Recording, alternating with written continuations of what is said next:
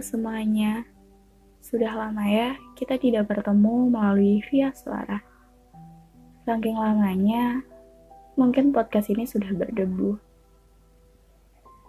Setelah waktu yang cukup lama untuk menetapkan hati dan berdamai dengan segala kekacauan yang ada di dalam diri ini, serta beberapa hal yang cukup memberatkan yang terjadi di tahun 2020 Akhirnya aku kembali dengan sebagai Windia di podcast Bersuara.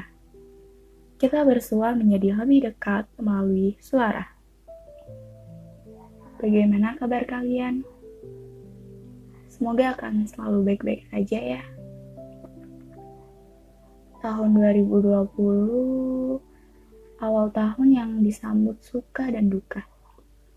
Tahun yang cukup memberatkan dan membingungkan waktu seakan berputar lebih cepat, membuat kita harus melangkah lebih jauh, melompat lebih tinggi, dan berlari lebih kencang. Tahun 2020 terkurung dalam ketidakpastian. Banyak mimpi yang harus tertunda.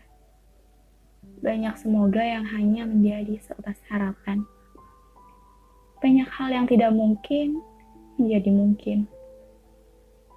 Dan tanpa kita sadari, sekarang kita sudah berada di penghujung tahun. Banyak pembelajaran yang sesungguhnya yang kita dapat dari hari-hari sebelumnya. Tentang rasa syukur, tentang rasa sabar, tentang rasa ikhlas yang harus kehilangan orang-orang di sekitar kita.